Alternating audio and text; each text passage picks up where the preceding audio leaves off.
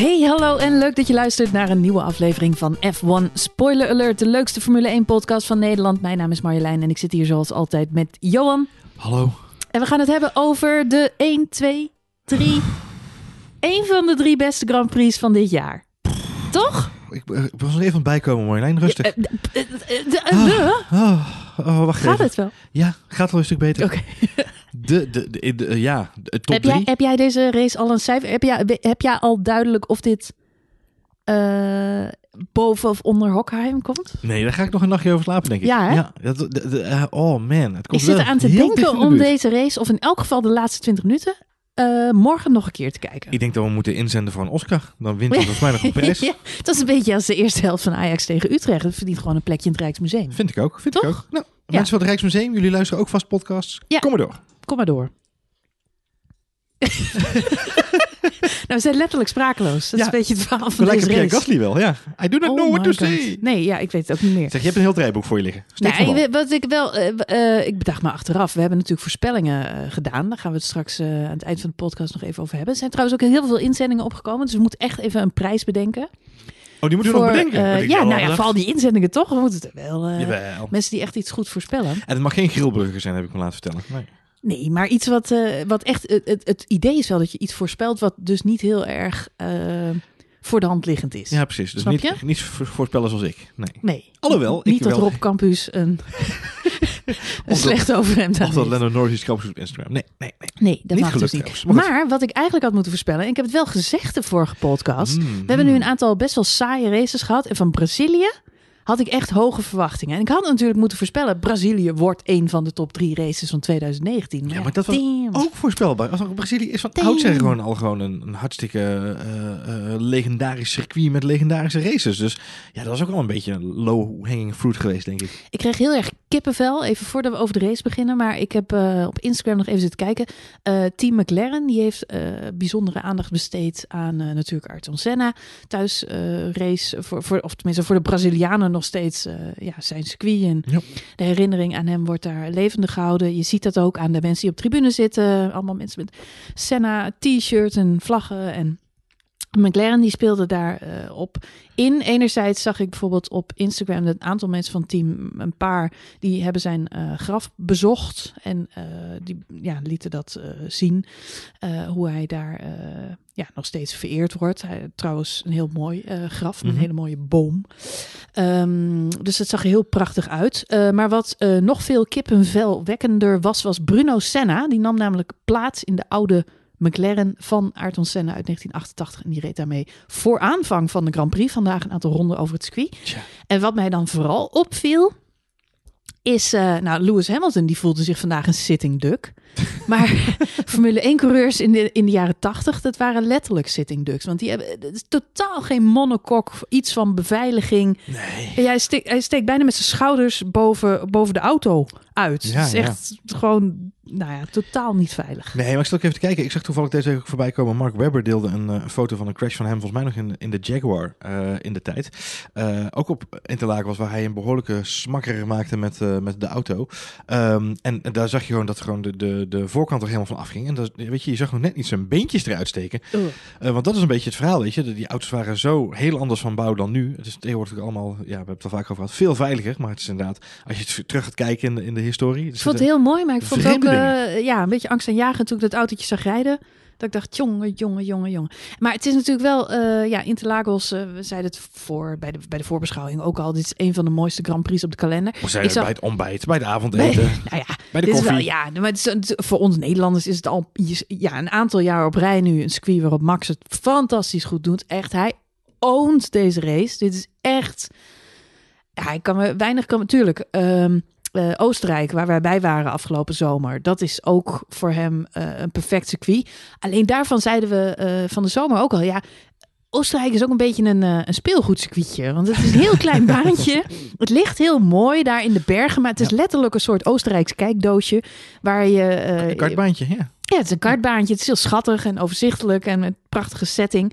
Uh, hartstikke mooi, maar ja, ik kan niet, ja, het is geen stoere mannencircuit, weet je. Het is geen uh, mm. uh, lange rechtstukken. Het is, het, is, het is een klein circuitje. En juist daarom doet de Red Bull daar zo goed. Veel downforce, veel bochtjes. Gaat hartstikke lekker. ja, Interlagos is natuurlijk wel echt een grote mannencircuit. Ja, moet zeggen, maar dat de Red Bull voor de zomer deed het daar goed. Maar we hebben dit weekend gezien, de Red Bull heeft ook in één keer op het rechte stuk top speed. Hij heeft oemf. Ja, en dat heb je ook wel nodig als je een pole position wil binnenhalen. Ik wil net zeggen. En daarmee is uh, het eerste punt in de pocket. Ik win er dan misschien geen Gilburger mee, maar uh, ja, nou, pole position toch? Ja, ik, zal, ik ga even zoeken. Ja, je hebt me inderdaad genoteerd. Oh. Mm. Mm. Ja. Nou, vooruit. Even geven hem. Een punt voor Marjolein. Ja. Wat ik heel mooi vond uh, op de zaterdag, dat is dat Max al de snelste ronde reed. Uh, terwijl hij nog een ontzettende stuurfout maakte. Of een foutje maakte in dat rondje. In die derde kwalificatie inderdaad, ja. ja. ja. Daar was hij zelf ook al iets wat verbaasd over. Nou, niet zozeer verbaasd, maar meer van... Uh, ja, zoveel extra hadden ze kennelijk. Ik weet het niet. Er zat heel veel berusting in, ja. En wat wel grappig is, is dat uh, zo'n zo zo'n ronde, zo'n pole position... het, komt, het valt ook allemaal een beetje vanzelf op zijn plek. Max zei na afloop ook... de auto voelde het hele weekend al goed. Dit is gewoon een, een heerlijke auto om te rijden. Uh, je merkt dat dat vertrouwen... Het is een beetje wat Lewis Hamilton in het begin van het seizoen heel erg had. Weet je, ja. het, het kost hem geen enkele moeite. Hij zegt, deze auto, ja, die rijdt zichzelf bijna. Ik hoef alleen maar... Wij voelen elkaar één op één aan... Uh, ik hoef het gaspedaaltje me in te trappen en hij doet alles wat ik wil. En dat heeft Max op dit moment, of in elk geval op Interlagos had hij dat, uh, met zijn Red Bull. Eigenlijk al het hele weekend. Het zag er heel gecontroleerd uit. En uh, vandaag ook in de race, uh, ik zei het wel al even tegen jou, wij kijken natuurlijk dan de onboard mee van Max op een, op een tablet. hebben we de onboard eigenlijk constant openstaan. En op het grootscherm zien we dan natuurlijk de, de, de Ziggo eh, coverage, om zo maar even te zeggen. Um, en daar zagen we, zagen we Hamilton voorbij komen. En die zag je gewoon, zoals je hem ook hoorde op de boordradio, zo zag je hem ook echt racen vandaag. Paniekerig en, en, en, en agressief voor zijn doen uh, in zijn houding, vond ik. Uh, terwijl Max, ja, die reed heel erg gecontroleerd en, en soepel. alsof hij inderdaad de baan al 6 miljoen keer eerder had gereden. Dat heeft hij natuurlijk ook wel. maar ook alsof hij hem, ja, alsof het gewoon op, op een rolletje liep. Alsof hij bij een railtje liep. Dat is echt heel, heel leuk om te zien. Nou ja, en een fantastische pole position. Uh, allemaal erg lachen natuurlijk om de persconferentie na afloop. Waarin uh, Max de interviewer uh, corrigeerde en zei: Het was niet mijn tweede, maar mijn derde. Wat ik gisteravond zat te, te denken. Dat is: we hebben allemaal begin van het seizoen gezegd: Oké, we moeten even afwachten hoe het met die Honda gaat. wisten we natuurlijk niet. Uh, vandaag haalt Max zijn derde overwinning van dit seizoen binnen. Helmut Marko had er vijf beloofd in 2019. Dat gaat hem niet meer worden, want er is nog maar één race. Um, toch denk ik dat we voorzichtig aan mogen concluderen dat 2019 voor Red Bull, in elk geval voor Max Verstappen, een beter jaar was. Of in elk geval zit daar een stijgende lijn in. Aangezien hij inderdaad dit jaar drie pols weet te pakken. Uh, uh, ja, ja, drie pols en, en drie overwinningen. En het is voor het eerste seizoen, uh, voor de eerste keer in zijn carrière dat hij meer dan twee overwinningen behaalt. Dus dat is ook weer een duim in de lucht.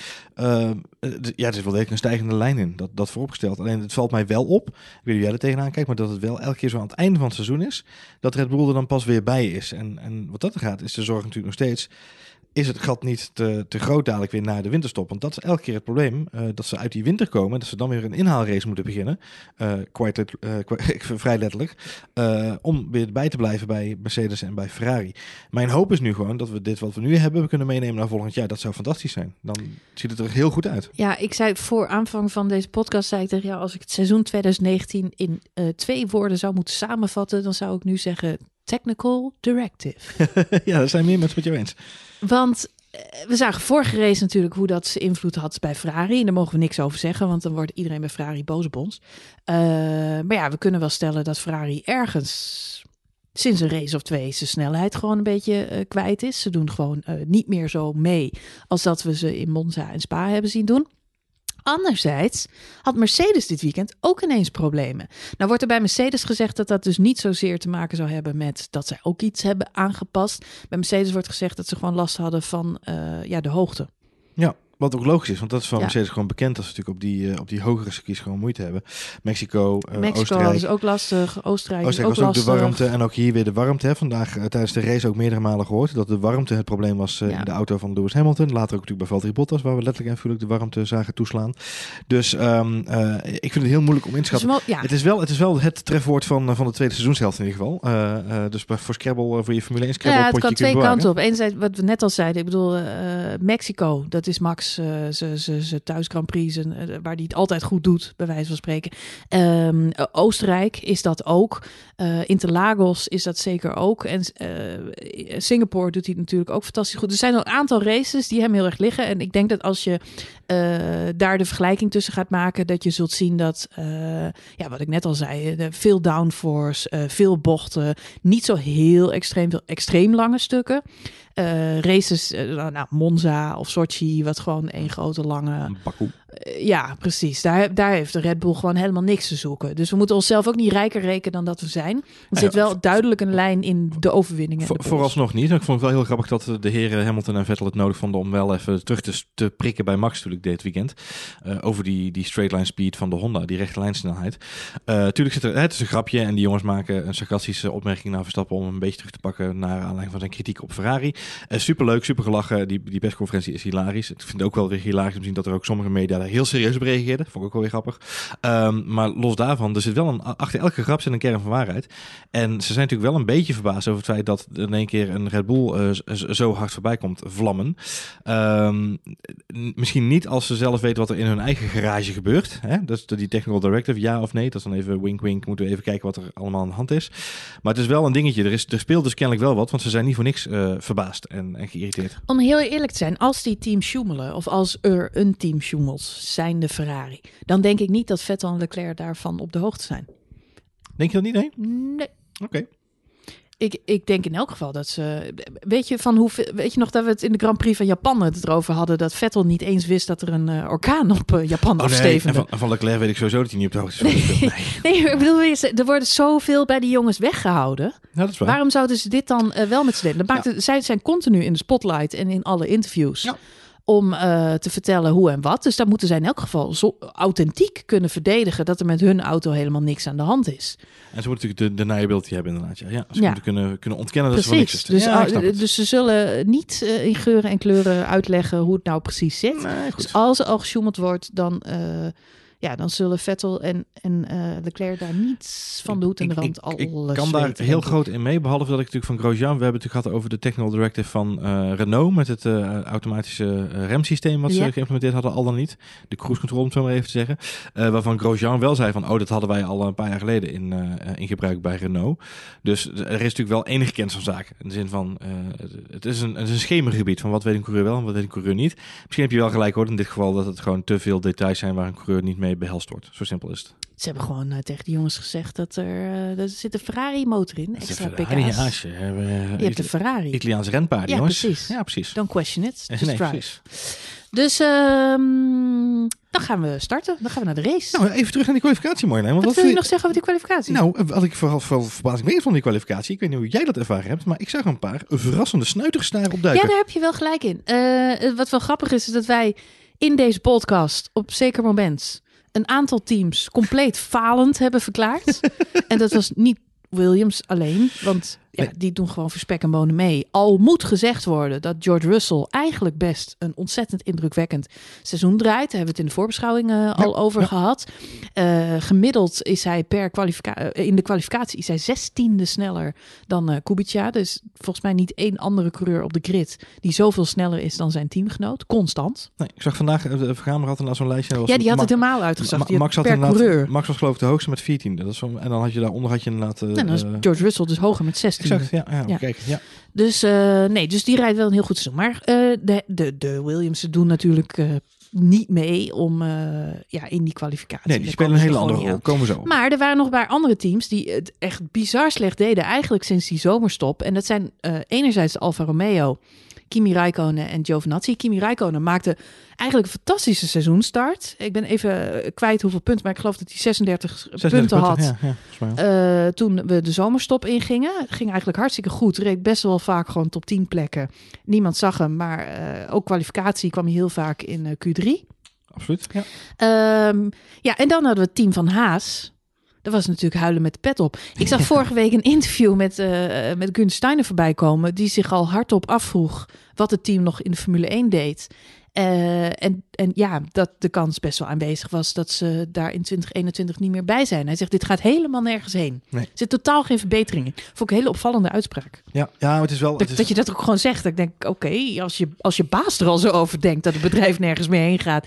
Hoe kunnen de mensen die voor je werken dan nog iets presteren? ik weet niet, ik heb, ik heb hem ook voorbij zien komen. Ik zag, ik, zag, ik zag elders nog wel voorbij komen dat het in, het, in de context was. Maar ik, eh, misschien is dit een andere, ander interview geweest. Maar het was in de context van de onderhandelingen waar we het al eerder over gehad hebben. Over de grote, de grote reclame- en sponsorinkomsten onderhandelingen van de Formule 1 die bezig zijn.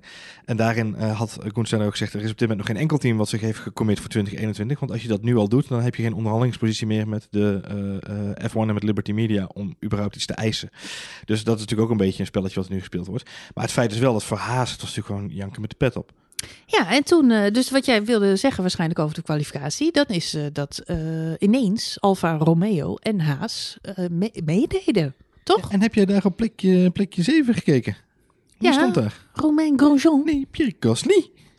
Sorry, in de kwalificatie. Ja, die zijn natuurlijk allemaal nog opgeschoven. Oh, jij hebt, eh, jij hebt de, de formele uitslag nog voordat de penalties zijn. Ja, uit- sorry. ik heb, ik heb Charles, Charles Leclerc gaat nog naar beneden. Die, Ja, precies. Charles Leclerc die gaat nog. eh, gaat Ja, want dan heb je... Sorry, Charles Leclerc, die staat er bij mij al niet bij. Nee, precies. Dan heb je Dus Verstappen 1, Vettel 2, Hamilton 3, Bottas starten 4, Albon 5, 6 Gasly, 7 Grosjean, 8 Raikkonen, 9 Magnussen en 10 Norris.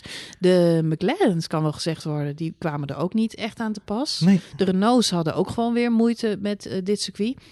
Maar ja, die, die Haasen en die Alfa Romeo's, die waren natuurlijk top. En dan even op de zaken vooruitlopend, hè, want we, die, die race, daar, hè, blijf luisteren mensen, want we gaan het we gaan, we absoluut gaan nog heen. We gaan nog heen. we gaan het absoluut over die krankzinnige race hebben. Maar ehm, Haas weet die fantastische startplekken niet om te zetten naar punten.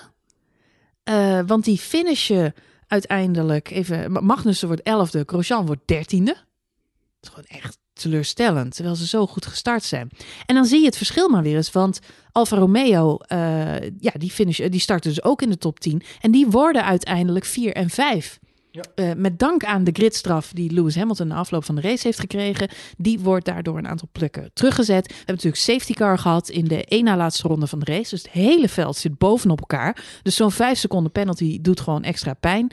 Ehm, ja, en dat betekent dat de Alfa Romeo's naar eh, 4 en 5 gaan. Gasly start vanaf P6. En dat is uiteindelijk is het natuurlijk ook de sleutel in het succes en de reden dat hij ook op het podium staat. Tuurlijk, iedereen zegt die Ferraris knallen elkaar van de baan, dus Gasly is ook, heeft, moet ook een beetje mazzel hebben. Maar je moet als, als, als best of the rest, als middenteam, moet je altijd mazzel hebben. Vergeet niet dat Max de allereerste Grand Prix won, omdat er twee Mercedes elkaar van de baan aftetsten. Eh, het gaat erom dat je altijd op die plek 4, 5 rondrijdt. Mocht er vooraan iets misgaan. Da dat is je goal, dat is het streven. En het grappige is, Lando Norris en, en Carlos Sainz hadden het hier laatst nog over in de interview. Dat ze dat ook zeiden, van dat is altijd de goal. Zorgen dat we er zijn. En als er dan iets misgaat, hopen we een keer het podiummetje mee te pakken. En de ironie, de ironie Johan, dat Carlos Sainz doet wat hij moet doen. Vierde finished. Ja. Het hele seizoen niet in beeld is geweest. Daar protest heeft aangetekend. Bij de, bij de vier, bij, bij alles en iedereen. Zo van, jongens, waarom ben ik niet in beeld? Hij doet wat hij moet doen. Hij wordt vierde. Lewis Hamilton krijgt straf. En daardoor had hij eigenlijk zijn eerste podium verdiend. Want dat krijgt hij niet. Insane, hè? Hij is wel, eh, oh man, ja, ik heb zo met hem te doen. Hij is wel, hij is wel blij, want ik zag hem op Twitter eh, dat hij ja, toch natuurlijk excited was. Er waren ook Ja, ja, ja. eh, journalisten die daar rondlopen, die zeiden, nou, ik zag hem net voorbij komen. Hij heeft inmiddels de, de prijs ook gekregen. Dus Lewis Hamilton heeft keur- keurig zijn beker ingeleverd. En die mag Carlos Sainz in het vliegtuig mee naar huis nemen. jou, de Heinekenster. en ze zullen misschien nog wel een alternatieve podiumceremonie hebben gehouden. Maar ja, het kwaad is al is- oh, ik vind het zo sneu. Als een eerste podium de- op deze manier door de neus wordt geboord. Het is toch triest? Het is heel vervelend voor de jongen. Oh. En- en met name de, inderdaad de ironie wat jij al zegt. Dat het inderdaad de jongen is die, eh, die eigenlijk altijd al eh, ge- genaaid is, zeg maar. Als het gaat om, om de tv-beelden en, en weinig in beeld. En vergeet niet, we hadden het er net over. Zo'n startpositie is cruciaal. Hè? Want Gasly, nou, het wordt uiteindelijk tweede. Dat is natuurlijk fantastisch. Ja. Ehm, maar Carlos Sainz, die startte als aller, allerlaatste. Ja, Dus insane. het, ja. is, het is een uitzonderlijke prestatie. ja, heel bijzonder. dat hij uiteindelijk derde wordt. Wat een race. En het heeft alles te maken in zijn geval met de één-stop Hij is de enige die het gepresteerd heeft om op die één-stopper Als eh, enige, ja, te blijven staan. En hij zei zelf in een interview in de afloop dat dat ja, echt tricky was. Ja. Eh, heel lastig. Er waren een aantal coureurs die wilden ook voor de één-stopper gaan. Ja. Eh, hebben dat uiteindelijk niet gedaan. Onder andere Bottas en Leclerc die waren daarmee bezig. Maar ja, Bottas hebben we gezien op die hardbandjes. Dat werkte voor geen meter. Nee. Eh, maar ja, eh, eh, Sainz, we hebben hem weer de hele race niet gezien. Maar ja, die heeft het dus volgehouden op die kloterige bandjes die hij waarschijnlijk had. En die is gewoon blijven rijden, blijven rijden. Vierde plek, vierde plek, vierde plek. Nou, en dan gebeurt het notabene een keer dat er de twee vanaf vliegen. Ehm, en is hij eentje een straf krijgt. En hij is erbij, precies zoals hij zelf voorspeld had. Ja, knap? Maar ja, wel super sneu dat hij geen podium krijgt, toch? Ja, vind ik wel. Dat ik dat wel-. Ja. Ik, nou, ik, ik ben er nog niet over uit of deze race beter was dan Hockenheim. Daarvoor moet ik ze echt allebei nog een keer terugkijken. En dat ga ik zeker doen. Ehm, maar eh, het had, eh, voor mij had deze race echt compleet gemaakt. Tuurlijk, eh, Albon moeten ze ook nog over hebben. Ook fantastisch race. Fantastisch race van Albon. En toen alle drie de Honda-coureurs op een podiumplek reden. I couldn't have been happier. Nee. Maar toen Albon eruit ging en Hamilton uiteindelijk ehm, natuurlijk een penalty heeft gekregen, Ja. had deze race wel compleet gemaakt. Had het seizoen 2019 compleet gemaakt. Max Verstappen 1, Pierre Gasly. De, de, de, ja, nou, daar gaan we het zo over hebben. Maar Pierre Gasly, die, die verdient natuurlijk redemption. Die heeft ook een shitjaar gehad. En dit ja. was echt, echt, echt zo gegund dat hij die tweede plek pakt. En dan een McLaren op P3. Ja. McLaren is toch wel gewoon de wederopstanding dit seizoen. Om, ik zie ook op Twitter, er zijn zoveel mensen die, die blij zijn dat McLaren weer opstaat. Ja. En eh, dat Mercedes weer terugkomt straks in 2021. En, Ik- en ik ik Norris is wel. Leuk. en wel. Carlos Sainz is leuk. En altijd geëmmer met, met Alonso en Stoffel van Doorn. Dat is allemaal heel lang geleden en vergeten. En eh, ja, dit is echt het seizoen van de wederopstanding van McLaren. Er zijn zoveel mensen fan van het team weer. En, en dragen het een warm hart toe. Het had echt, echt, echt eh, niet misstaan om, om, die, om een McLaren-coureur op dit podium te hebben. Oh, het had ik dat graag Dat, gezien. wat, dat had voor het plaatje voor de sport wel een hele hoop mee uitgemaakt. Ja, toch? Ja, ik vind het nu wel heel jammer dat, eh, daarom zei ik, Oh, tegen, wij zeiden, ik zei gelijk tegen jou, haal hem alsjeblieft weg voor het podium, Hamilton. Want Oh. iedereen, hij zei zelf al in de... Hij zei zelf al in het interview: Ja. eh, Het is mijn schuld. Ja. Dus dacht ik: Oké, nu kun je dus nog backstage hem omwisselen. Ja, Maar ik heb heel erg het gevoel dat ze eh, na die akkefietjes met Max Verstappen. Max Verstappen is natuurlijk een, een paar keer van het podium Ja, weggehaald. Ja, daar gaan ze niet nog een keer aan beginnen. Ja, en volgens mij eh, hebben wij, zijn wij Nederlanders daar een beetje nu de schuld van. Maar het feit dat dat met Max Verstappen zo vaak is gebeurd, eh, heeft er een beetje tot toe geleid dat ze waarschijnlijk hebben gezegd: Oké, dat kunnen we echt niet maken. Kunnen we niet meer maken. Dat kunnen we niet meer maken. Is gewoon, ja, is niet eerlijk, is niet leuk voor de fans. Want die hebben net iemand zien finishen en die Ja. staat er dan niet bij. Nee, eens. Eh, dus ik snap het wel dat ze in de laatste ronde geen beslissingen meer nemen. Maar in dit geval, joh. Oh, wat hadden veel mensen het leuk gevonden om. Maar daar gewoon Carlos Sainz staan. Ja. En dan had je dus ook een volledig podium met Red Bull junioren gehad. Want ook Carlos Sainz Ja. komt uit het talententeam Ja, van, eh, van Red Bull. Mooi brugje. Kom nog wel. Carlos Hey, Sainz, ehm, jouw tijd komt nog wel. En McLaren's tijd ook. Tot we er moe van worden en denken, ga eens weg met die McLaren's op het podium. Hey, na, aanleiding van die, eh, van die kwalificatie hadden we nog een vraag op de Twitters. Ja. Ehm, van eh, een van onze luisteraars, Stefan Vellinger.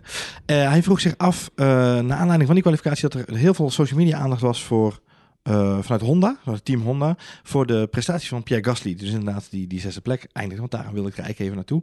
Eh, uiteindelijk wordt hij dus P6 en had het idee dat daar veel meer social media aandacht was voor het team eh, naar, naar Gasly toe dan dat het was voor Max Verstappen die een pole pakte.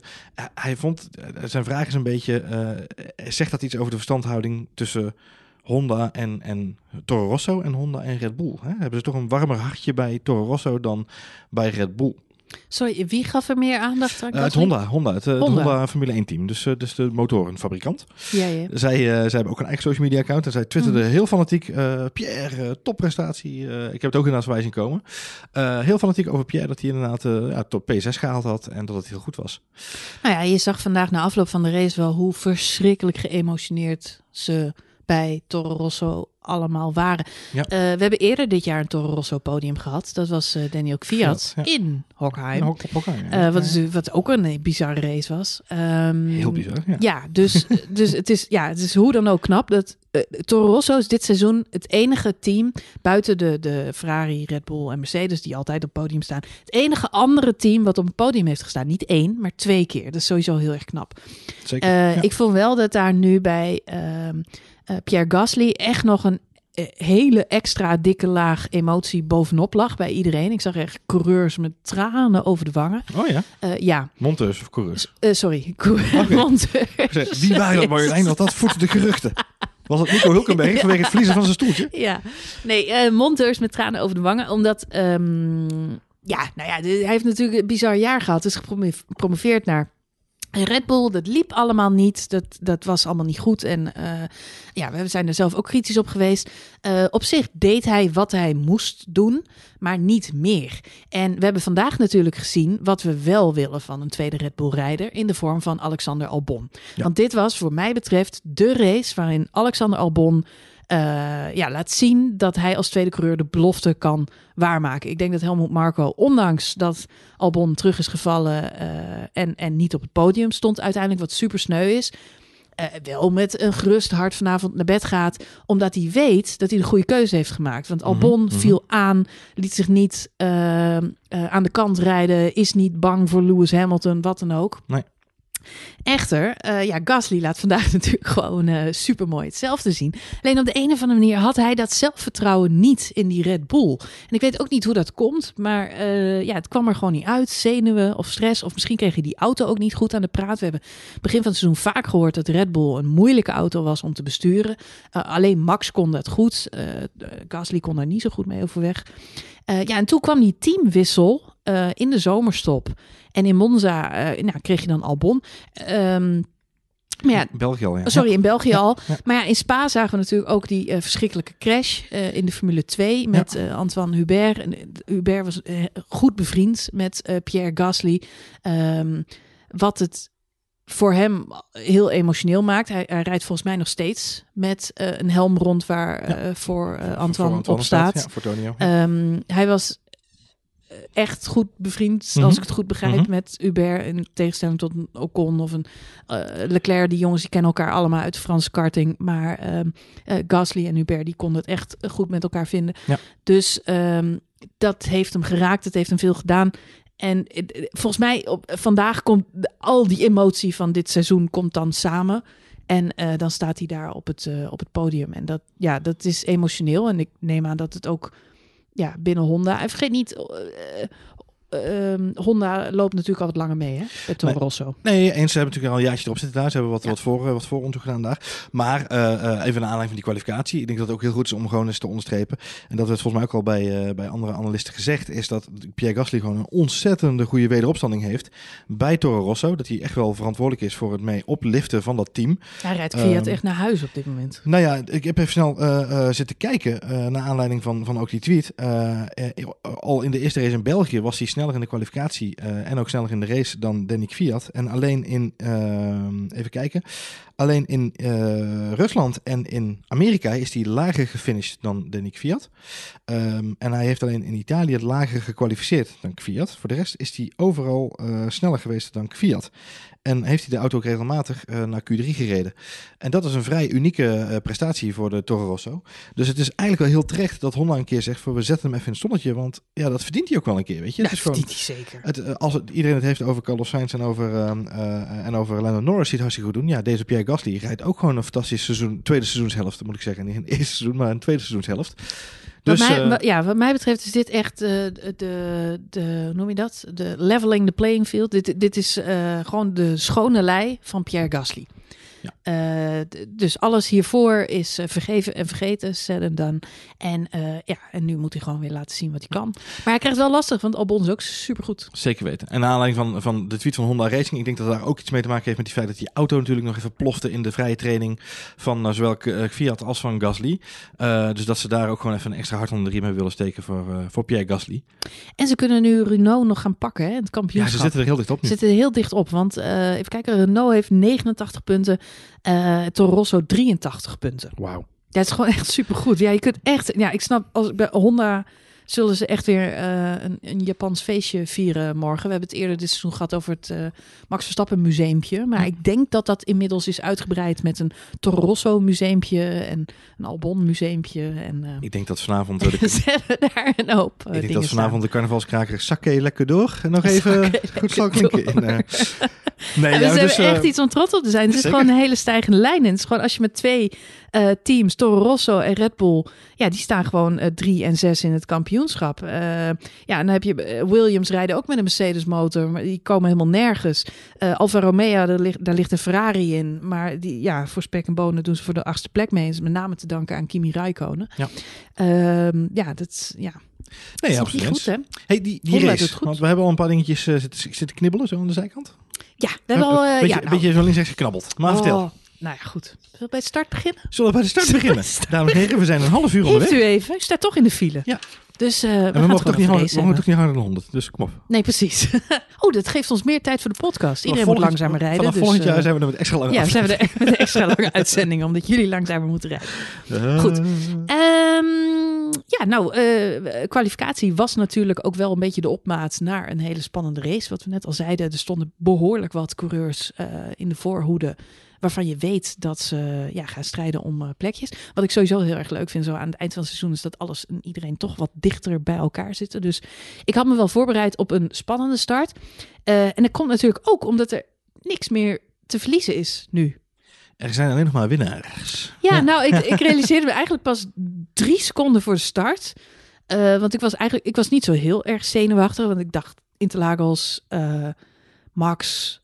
Ja, hij rijdt hier gewoon altijd goed. En die Red Bull was goed. Jij, jij Ja. was, jij was zo zen voor de start. Dat was echt, nou, Nee, maar in principe is het gewoon... Dit, dit is zijn circuit. Hij doet hier altijd goed. Dus eh, tuurlijk, er, gaan, er kunnen dingen misgaan. Maar dat was vorig jaar al gebeurd met Ocon. Dus dan heb ik toch een beetje in mijn achterhoofd van... Ja, die, die, die shit die hebben we vorig jaar al gehad. ik, Dus mag dit, je toch vanuit gaan dat dit jaar weer goed gaat. ik had dit jaar wederom het gevoel inderdaad, het is zijn wedstrijd om te verliezen. Ja. Ja, nou, ik, ben, ik moet wel zeggen, ik, heb, ik zei ook nog, eh, ik heb liever soms dat hij wat verder achteraan start. Ehm, omdat hij dan natuurlijk wel nog wat mooie moves kan halen. Maar we hebben dit jaar ook alweer een paar keer gezien dat hij dan in de eerste bocht eraf ligt. Dus ik was eigenlijk wel blij. Die ja. pole position is ook toch. eh, Nou, en, en die start was gewoon goed. Ja. de start was eindelijk keer goed. Nou ja, We hebben eindelijk. Nee, ja, goed. We hebben ook wat shit starts gezien eerder Zeker. dit jaar. Ja. Toch? Nee, eens. Dat was die- gelukkig weer goed. Die zijn een beetje verleden tijd gelukkig inderdaad. Ja, dat hebben ze die- redelijk op orde gekregen. Ja. Wie op zich ook aardig startte was Vettel. Nee, Vettel had een groot nadeel. Die had geen slipstream. Nee. En dat had Lewis Hamilton wel. Dus Lewis Hamilton die komt gewoon een heel stuk beter weg. En die pakt gelijk Vettel in die allereerste eh, stint. Zag je Vettel daar knijpen al? Echt, eh, ja, echt de typische maar dat Vettel knijp, is, dat weer. is Vettel. Ja. Dat is Vettel. En eh, nou ja, goed. Eind van de race gaan we het zo over hebben. Maar wat er met Leclerc gebeurt, dat is ook Vettel. Dat is wat hij doet, knijpen. Beetje knijpen naar de mensen toe. Ja, maar eh, ik zal er dan meteen maar iets over zeggen. Maar Leclerc doet precies hetzelfde. Die knijpt ook. Daar waar het nodig is, jazeker. Die twee die zijn aan elkaar gewaagd. Met zijn allebei knijperts. Later gaan we naar de Ferrari Fight Club. Ferrari Fight Club, coming up. Ehm, ja, nou, start van de race gaat alle, eigenlijk allemaal goed. Geen eh, grote, hele belangrijke eh, dingen die daar misgaan. Had jij, ja, we moeten gewoon door, want er is nog zoveel aan het eind van de race. We hebben geen tijd om hier lang wil stil te met liefde analyseren. Ja, nee, maar, er- er gebeuren ook mooie. hè. We zien Charles Leclerc, die eh, start 14e. Die haalt meteen eh, drie man in. Dus die ligt al 11e na de eerste ronde. Doet hij hartstikke goed. Dus die maakt gewoon opwaartse lijn door dat eh, veld heen. Start trouwens ook op andere banden. En Dus dat zat ik nog een beetje in de gaten te houden. Ging allemaal wel goed. Ehm, ja, en dan komen we eigenlijk vrij snel bij het eerste cruciale moment in deze wedstrijd. En dat was de pitstop van Max Verstappen. En daaraan gaat een pitstop van Lewis Hamilton vooraf. Die eh, eigenlijk constant op 2,5 seconden achter Max blijft rijden. Dat vind ik altijd een beetje eng. De enerzijds zie je Max in de eerste ronde meteen weglopen naar anderhalve seconde buiten DRS. Dan denk je, nou mooi. Eh, en dan zie je dat gat met Hamilton oplopen. En dan op 2,3, 2,4 seconden blijft dat gat ineens cons- constant. Ja. Dus altijd. Denk ik. Is Max nu aan het sparen? Of Ja, zit Hamilton nu gewoon te wachten ja, tot soort- Het Hamilton gaat er de- altijd net zo ver achter rijden dat hij geen last heeft van de vuile lucht. En dat krijgt hij precies te horen. soort- Hier moet je een- blijven als een soort rijden. hyena, Ja, als een hyena. Nou, en dan gaat hij voor die undercut. En dan, en dan is het hele idee dat hij natuurlijk voor Max Verstappen de baan weer Ja, opkomt. ik moest gelijk denken aan Hongarije inderdaad. Gewoon zo Ja. lang mogelijk erachter blijven rijden tot er een keer eh, zijn banden op zijn of eh, de pitstop niet goed uitkomt. En dan, eh, dan ben je er voorbij. Ja. Ja, nou en dan hebben we natuurlijk het akkefietje met Robert Kubica. ja, Williams zullen eigenlijk ook een keer een rol spelen in deze... Het eerste wat ik zei is, die hebben weer een zak geld van Toto gekregen. dat geloof jij niet, hè? Waarom was Toto er niet? Toto was pinnen. Elke keer als er iets met Kubica... Weet je nog dat Kubica ineens voor een rode vlag zorgde in de kwalificatie?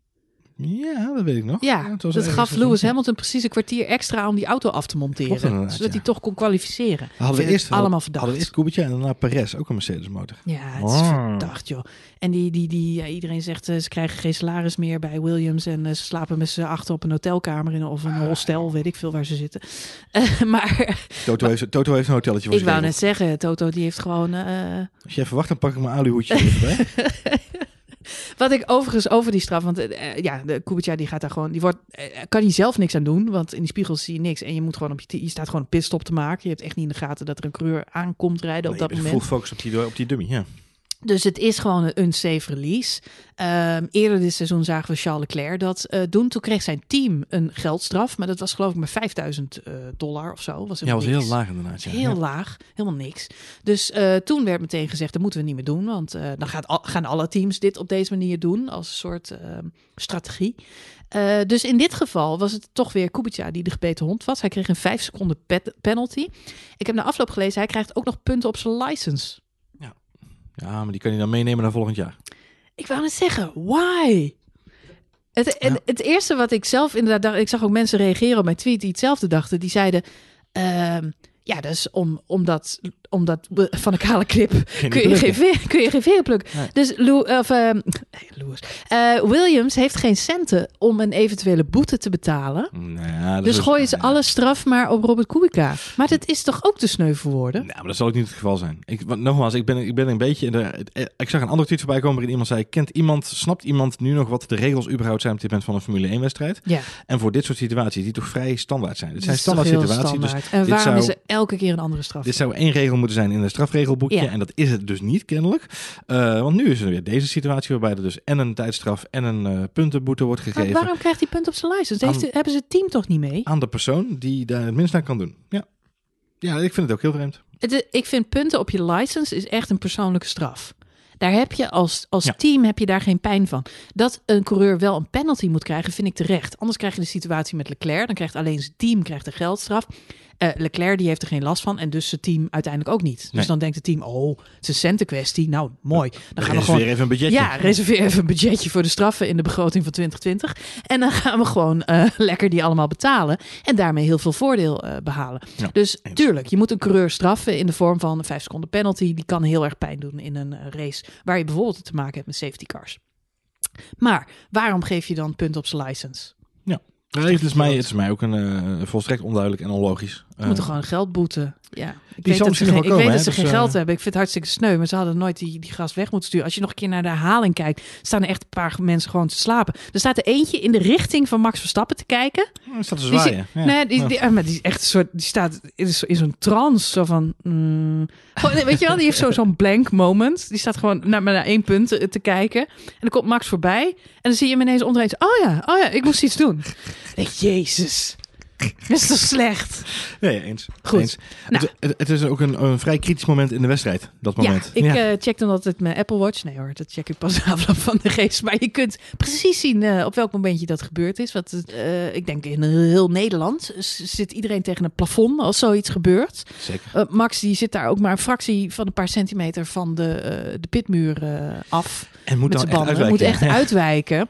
Maar belangrijker nog, op dat moment zie je Hamilton natuurlijk gewoon lachend eh voorbij rijden eh, en die plek pakken. Dus dat is echt even gewoon shit. Nou, het is, het is, het, het, je wist, het- En denk ik, het- gebeurt we- ons weer, We zullen het nooit weten, maar volgens mij had hij hem dus gecoverd al gelijk bij die pitstop. Het was, was gewoon duidelijk in kannen en kruiken geweest. Denk ik. ook als uh, Kubica er niet was geweest, had Lewis Hamilton ervoor gezeten. ja, denk, jij? Ja, Nee, nee, nee, nee. oh. Ik denk, ik denk dat Max hem gecoverd had natuurlijk. Ja, Ja? ja, ja. Ik denk, volgens mij had Max, was Max ervoor gekomen. Het was Ik niet zo'n eh, niet zo'n he- de allersnelste stop van de wedstrijd. Die kwam pas, dat was pas de tweede. inderdaad. Ja, dat is waar. Dat is wel weer een goede stop. Maar goed, we zullen Ja, het het nooit weten. een goede we zullen het nooit weten, maar stop. Ehm, En daarentegen, dankzij dit moment, worden we getrakteerd op. Ja, niet één, maar twee fantastische Ik inhaalacties. kon het zeggen. Want eerst eh, pakt Max daar Charles Leclerc. Charles Leclerc. Charles Leclerc. Eh, die, die rijdt daar nog een beetje rond, maar die is niet zo heel erg snel. Eh, Lewis Hamilton is net wezen pitten en die heeft nieuwe bandjes. Dus Lewis die pakt eerst eh, Charles Leclerc daar. En Max duikt daar gelijk achteraan. Maar je ziet ook aan Max dat hij gewoon... weet je, wij hebben wel stress thuis op de bank, maar voor Max is het gewoon totaal geen issue. Gewoon totaal niet. Weet je, Olaf Mol die zei het ook in de uitzending, maar Interlagos is... De, hij owns die plek. Dat is zijn circuit. Weet je? Hij is daar heer en meester. Hij is voor niks en niemand bang. Of je nou Lewis Hamilton, zesvoudig wereldkampioen bent. Hij komt gewoon terug, eh, zijn plek eh, terug eh, eisen. Deze Toch? telt niet mee voor het puntentotaal hè, van de zesvoudig wereldkampioen. Dat Nee. weet. Dat weet ik. Check. Ja. Hij komt uit zijn plek terugklimmen. Nee, wat heel grappig is om te zien is, is Lewis Hamilton gaat Leclerc voorbij. Mooie manoeuvre. Max gaat er dan gelijk achteraan. Heel Ja. slim. En ziet dan ook in de vechten, ziet hij Lewis Hamilton een stuurfout maken. Want die heeft wat overstuur. gaat over de curbs. En dat is het moment waarop Max denkt, oh, even gasje bij. En dan pakt hij hem een bocht later. Pakt hij hem natuurlijk. Ruthless. heerlijk in, inderdaad. Ja. Nou ja, die op het rechtstuk zelfs. Hij gaat er zelfs op, de, op, de, op het rechtstuk. Ziet, ziet Hamilton pas laat komen. Dus we worden getrakteerd op niet één, maar twee fantastische inhaalmanoeuvres op een Ferrari en een Mercedes. Fantastisch. Dankjewel, fantastisch. Robert Kubica. Ja, nou, dit moeten we eigenlijk inderdaad Williams voor bedanken. Geef ze geen geldprijs. Ah, geef, ze geen, Sneu. ge- geef ze geen geldprijs? Een geldboete. Ja, geef ze wel een geld, geldboete. Ge-. Ja, geef ze geldprijs of Geef ze geldboete? Geldprijs. Kijk Geef ze prijs. Geef ze prijs. Maakt de wedstrijd Hier heb beter. jij, de, je doet lekker mee trofee. ja, nou ja, zoiets. Hey, eh, we gaan door. We hebben nog eh, een dingetje met Ricciardo en Magnussen. Terechte penalty voor Ricciardo, denk ik. Lijkt me wel, ja. Toch? Ja. Er niet te lang over te hebben. Nee. Eh, Vettel, eh, heb ik nog opgeschreven, was een kleine notitie tijdens de race. Eh, krijgt op zeker moment over de boordradio te horen... You're the fastest man on track. Ja. Ik kan u verzekeren, het tegenovergestelde was op dat moment waar. Hm. Hij was namelijk de langzaamste van de top 6. Maar, Niet de langzaamste op de baan, maar hij was de langzaamste van de top 6. oké. Heb, je, heb jij de... Want hij heeft op een gegeven moment nog wel een tijdje de snelste ronde gereden. Want was, ik twijfelde daar nog heel even over. Ja. We zeiden gelijk inderdaad van, dit slaat helemaal nergens op. Want hij, rijdt, eh, hij reed volgens mij in 14, waar de rest in Ja. 13 reed. Ja, ik vroeg me twee dingen af. In de eerste instantie vroeg ik me af, waarom liegt zijn team tegen hem? Weet je, waarom? Of hoe oud is deze boordradio? ja, Deze en daarna, is van en daarna begon ik me ineens af te vragen. Ja, eh, er zit natuurlijk vertraging in boordradio's. Op het moment dat wij hem horen is het al een tijdje geleden gebeurd. Ehm, eh, maar ik begon me ook af te vragen. eh, wij zien natuurlijk de timings in de app en op, op Mhm, beeldscherm mhm. van de televisie. Maar de teams zelf hebben ook timings in de auto zitten. Dus het kan goed zijn dat zij net een andere sector of een. Snap je? Het hoeft geen. Ja, zij zien, eh, zij zien dezelfde sensoren, maar ze hebben natuurlijk wel die mini-sectoren ook waar ze op rekenen. En al die Ja. GPS-data waar ze naar kijken. Dus ik vermoed, als ze daar misschien gezien hebben. En het andere wat ik me kan voorstellen is dat ze gewoon echt zoveel eerder al in de race, dat het echt een ronde of anderhalf ronde daarvoor was. Misschien wel op het moment dat die inderdaad de snelste ronde neerzetten. Dat ze dan even gecomplimenteerd hebben met You're now the fastest in the race. Wat leuk was voor één ronde, maar daarna reed hij gewoon volgens mij 1.14 waar de rest 1.13 reed. Dus eh, had hij daar niet heel veel te zoeken eigenlijk. Ik blijf het heel opvallend vinden. Dit seizoen worden veel boordradio's. Hoe met de verschillende coureurs wordt omgegaan. En bij Ferrari blijf ik altijd een beetje denken. Coach die jongens nou eens wat meer. Weet je, geef, geef ze positieve feedback. In plaats van. Het klinkt altijd een beetje. Ja, nou, dit ook weer. Dan, eh, waarom eh, lieg je eh, Vettel nou voor? Heeft hij daar wat aan? Gaat hij er sneller van rijden? Ja, ik weet het niet. Ik vind de tone of voice bij Ferrari in, in die zin eh, vervelend dat ik me ook gewoon, ik zie gewoon niet wat ze, wat ze doen. Dus het is elke race hetzelfde en we zeggen elke keer tegen elkaar ook. En dan gaan ze weer. Het is eh, strategy A, B, C, D, E, F, 1. Eh, dan ga- beginnen ze weer te roepen. C, We are now on plan B plus 2. plan C. Dan denk ik, oké, plan B plus 2. Prima, maar wat, wat betekent nou B2? Ehm, en het is gewoon elke keer weer dat geneuzel met die strategieën. En dan komt het op een, op een toon uit. En het is vast niet zo bedoeld. En het zal vast binnen het team allemaal heel erg goed en helder zijn. Maar het, het, het laat zoveel ruimte voor interpretatie. Voor de coureur ook in zijn, in zijn emotie. En hoe die achter het... Ja goed, nogmaals. Ik vind het gewoon heel vreemd hoe ze met elkaar Raar, omgaan. toch? Ja, Ja, soms wel. Ja. Maar goed, het heeft eh, allemaal geen eh, eh, effect in elk geval op dat moment. Wat wel uh, ondertussen ook gebeurt, dat is dat uh, Bottas duidelijk op een andere uh, strategie staat. Die rijdt namelijk wat langer door en die gaat dan van softe bandjes naar harde banden in ronde 28. Maar vrij snel Namelijk uh, 14 ronden later zien we hem weer naar binnen duiken. En dan gaat hij weer van hard naar medium. Met andere woorden, die harde band die liep voor geen meter. En er ging niemand wat horen inderdaad. Bij, bij, bij Bottas hadden we hetzelfde. Hij kreeg een boordradio. En we are now thinking plan B, zei uh, de strategie bij, uh, bij Mercedes. Waarop Bottas zei, gebaseerd op de huidige omstandigheden en het gevoel bij de banden, zeg ik prima keus. Waarop ze zeiden, nou dit is dan waarschijnlijk plan B geweest. Een eenstopper op harde banden. Maar ja, hij zag ook al vrij snel dat hij eigenlijk met die witte bandjes geen kant op kon. Nee, het, het, het, het, het liep niet. Uh, niet snel genoeg. Daarnaast klaagden zowel Hamilton als uh, Bottas op dat moment over wind. Wat ik wel grappig vond, dat Lewis Hamilton als eerste over wind klaagde toen er nog geen wind was. Nee, ja, hij gaat. Zijn team gaf ook gewoon terug. Uh, we're not seeing it. Maar, het, geeft, het geeft gewoon aan dat Lewis Hamilton is heel erg in touch with nature. Hij is gewoon heel ja, erg één met de natuur. Ja. Hij voelde dat als eerste aan, want ja. het wonder wil wel dat drie rondes later inderdaad ook Verstappen en Bottas klaagden over de wind. Ja, precies. En Warempel, wat, wat zul je zien, uh, de wind verdubbelde qua snelheid. Pocahontas Hamilton, die had het al uh, eerder yes. in de gaten. Het is onze eigen Nel. Het, het, is onze eigen Nel van de Formule 1. Ja. dat het ging waaien. Maar goed, ja, nee, Bottas die gaat naar binnen. wat mij opviel, hij komt in ronde 42 maakt hij die tweede pitstop. Eigenlijk tot die tijd uh, ja, zitten we naar een race te kijken die allemaal nog wel redelijk voorspelbaar is. Ronde 44 zet hij ineens uh, als een van de eerste een ronde van 1.10 neer. En is daarmee lange tijd de snelste ronde van de, van de wedstrijd. Wat heel opvallend is, want iedereen zit op dat moment nog in de 1.12. Het snelste ronde record op dat moment is ook een 1.12. Dus het is best wel opvallend dat hij als enige ineens twee seconden sneller is dan wie dan ook. Dat duurt maar één rondje, want daarna zakt hij ook gewoon weer terug naar 1.12, wat de rest dus ook doet. Ja. Het wekt wel een beetje de indruk dat hij, nou ja, één, dat hij een soort kwalificatierondje eruit probeert uh, te persen, of even die bandjes in elk geval uh, to the max uh, probeert te pushen. En wat natuurlijk ook mee te maken heeft dat hij daarna niet meer zo snel is, dat is dat hij redelijk snel vast komt te zitten achter Charles Leclerc. Ja, klopt. Ja. Ja, Mercedes had eigenlijk al heel het weekend uh, op, die, op die gele band, op de, de mediums, hadden ze gewoon een hele goede pace. Uh, in alle vrije trainingen waren ze daarop veruit de snelste. Zagen we later op in de race ook, uh, toen ook Max Verstappen naar die, naar die gele wang ging, dat hij eigenlijk heel veel moeite had om Hamilton achter zich te houden op dat moment.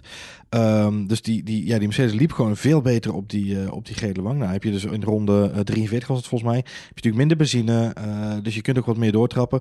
Verse bandjes in die, op dat moment, en je hebt een beetje vrije lucht, ja, dan, dan zet je al snel een, een, een rondje neer. Het is overigens de snelste ronde gebleven tot het einde van de wedstrijd, Marlijn. Dus er is geen punt uitgekeerd voor snelste ronde? Nee, er is voor, totaal geen punt voor Bottas.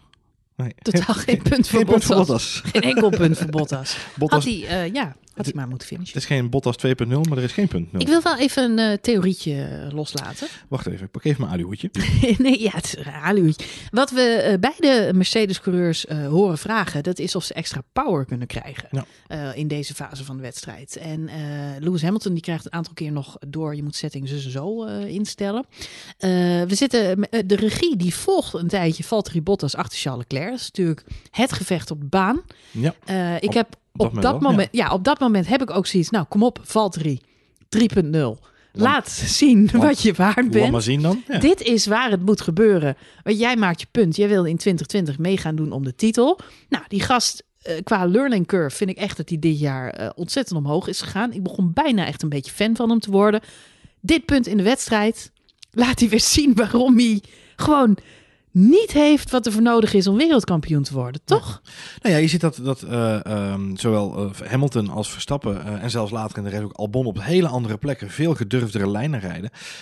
in deze fase van het seizoen ook misschien wel een beetje meenemen als gedachte. angstig lijkt het wel. Ik vind het heel vreemd omdat hij, dat hij heeft niks te verliezen en hij heeft ook niks te winnen, om het zo maar even te zeggen. Behalve dan na vandaag zijn eer en een plekje. en hij was veel sneller dan Leclerc. Hij reed een 1-10. Hij was veel sneller. En dan gaat hij achter Leclerc lopen hangen. Dan moet hij ik wel liep, zeggen. Echt te trutten. Ja. ja, hij liep echt te trutten. Maar dan moet ik wel zeggen dat Leclerc echt van alle coureurs op de baan, Max misschien ook, uh, zijn er vast nog een paar, maar Leclerc is wel echt een meester in verdedigen. verdedigen hè? Ja, zeker. Ja. Tot, tot op het randje dat het nog uh, legaal is. Ja, want soms die, net die, iets die, erover. Ja, ja want ja. die glibbert van links naar rechts, uh, moving under braking net niet. Maar hij weet wel zich zo breed te maken op elk. Hij weet precies welke kant hij heen je- moet je zag- sturen. Je zag, ook de situatie geen met, kant op eh, kunt. De situatie met Norris aan het begin van de race, waarin Leclerc Ja. en Norris voorbij moesten. Dat ook Norris had van, ja, maar ho eens even vriendje. ja, Eh, zo, zo, zo zijn we niet getrouwd.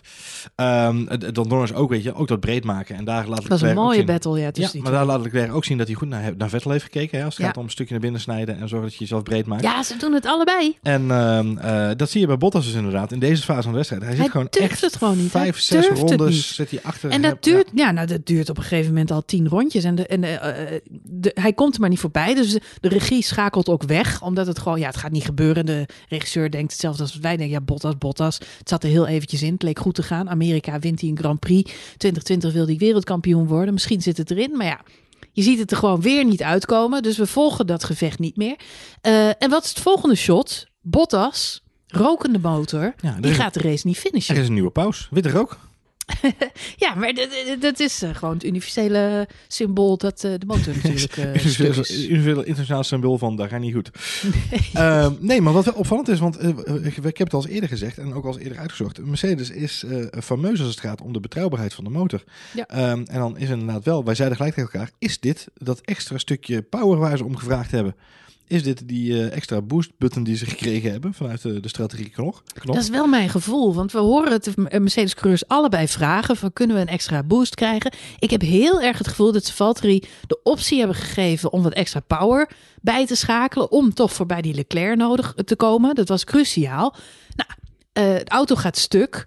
Eh, en op dat moment zeg ik ge- gelijk, oh, dat is goed nieuws voor Max Verstappen. Want dat betekent dat Lewis Hamilton niet meer naar die engine mode mag. Want Nee. ze vragen gewoon te veel van de motor. Dat was mijn gevoel erbij. Lewis vraagt later in de race inderdaad nog een keer om extra power. Give Ja, me dan krijgt hij wel een Dan setup. krijgt hij te horen, nou, ja, maar hij krijgt wel te horen van dit, is het maximale wat we hebben. Ja, precies. Dus ze gaan Dus- dan met Hamilton geen extra risico nemen. Nee. En dat is een risico wat ze met Valtteri Bottas wel hebben gedaan. Wat ik, ik, ik moest gelijk aan Toto denken. Toto Wolf, die was er natuurlijk niet bij deze race. die was pinnen voor Williams. ja, ja, maar die zal gebaald hebben. Dat Was dit, ja, goed, je weet niet of het gebeurd was als hij erbij was geweest. Maar die zal thuis hebben gezeten en hebben gedacht... Ai, Toto zal om meerdere redenen hebben gebaald. En daar komen we zo nog even op inderdaad in de laatste fase van de Pijnlijk, toch? Ja. Pijnlijk. Ja. Nee, goed. eh, Bottas, die, eh, die valt uit. Dat lijkt aanvankelijk lijkt hij die auto nog redelijk goed eh, te parkeren. Ik dacht in eerste instantie, hij zet hem ergens Ja, midden ik dacht op in eerste instantie, ja, erop. dit, dit is een vetteltje, die zet hem ergens neer waarvan je zeker weet dat het de safety car wordt. Maar dat deed hij eigenlijk niet. Hij parkeerde hem best wel slim. Alleen toch, heel opvallend, lukt het op de een of andere manier niet om die die auto heel snel weg te krijgen. Achteruit te rollen, hè, want dat was er moest gebeuren. Ja, dus dat, dat eh, duurt twee rondes en dan pas eh, twee rondes gele vlaggen. En dan pas eh, wordt er besloten om toch een safety car eh, ja, uit te rollen. uit te rollen. En dat is een cruciaal moment in de wedstrijd. We hebben uiteindelijk twee safety cars, maar de eerste is eigenlijk when the fun begins, zal ik maar zeggen. Ehm, want Hamilton krijgt dan over de boordradio te horen pit opposite Verstappen. Met andere woorden, als Verstappen naar binnen duikt, ga jij niet. En als Verstappen niet naar binnen duikt, ga jij wel. Dat is mijn uitleg. Ben je dat met me eens? Ja, dat is zoals Ja? ik het ook hoorde. Ja. Oké, eh, wat gebeurt er? Verstappen gaat wel naar binnen. En die gaat dus eh, van medium naar softs. Geen nieuw setje banden, want die had hij niet meer. Eh, maar toch ja, goed genoeg om aanvullend te kunnen rijden. En ja, dit is wat jij net al zegt. Dit is ook weer achteraf bezien een grote F-up van Mercedes, toch? Die Eh, hadden hier gewoon niet opposite Verstappen. Die hadden gewoon sowieso naar binnen moeten duiken om aanvullend, aanvallend te kunnen blijven rijden. Ja, het probleem is dat Verstappen gewoon naar buiten komt op nieuwe softs. En eh, dat zijn verse bandjes. En de, de Red Bulls dit weekend, waar eh, Mercedes heel sterk was op die gele band, was de Red Bull gewoon heel sterk op die rode band. Dat wisten ze bij Mercedes vast en zeker ook. Dus het is heel opvallend dat ze dat niet hebben willen pareren.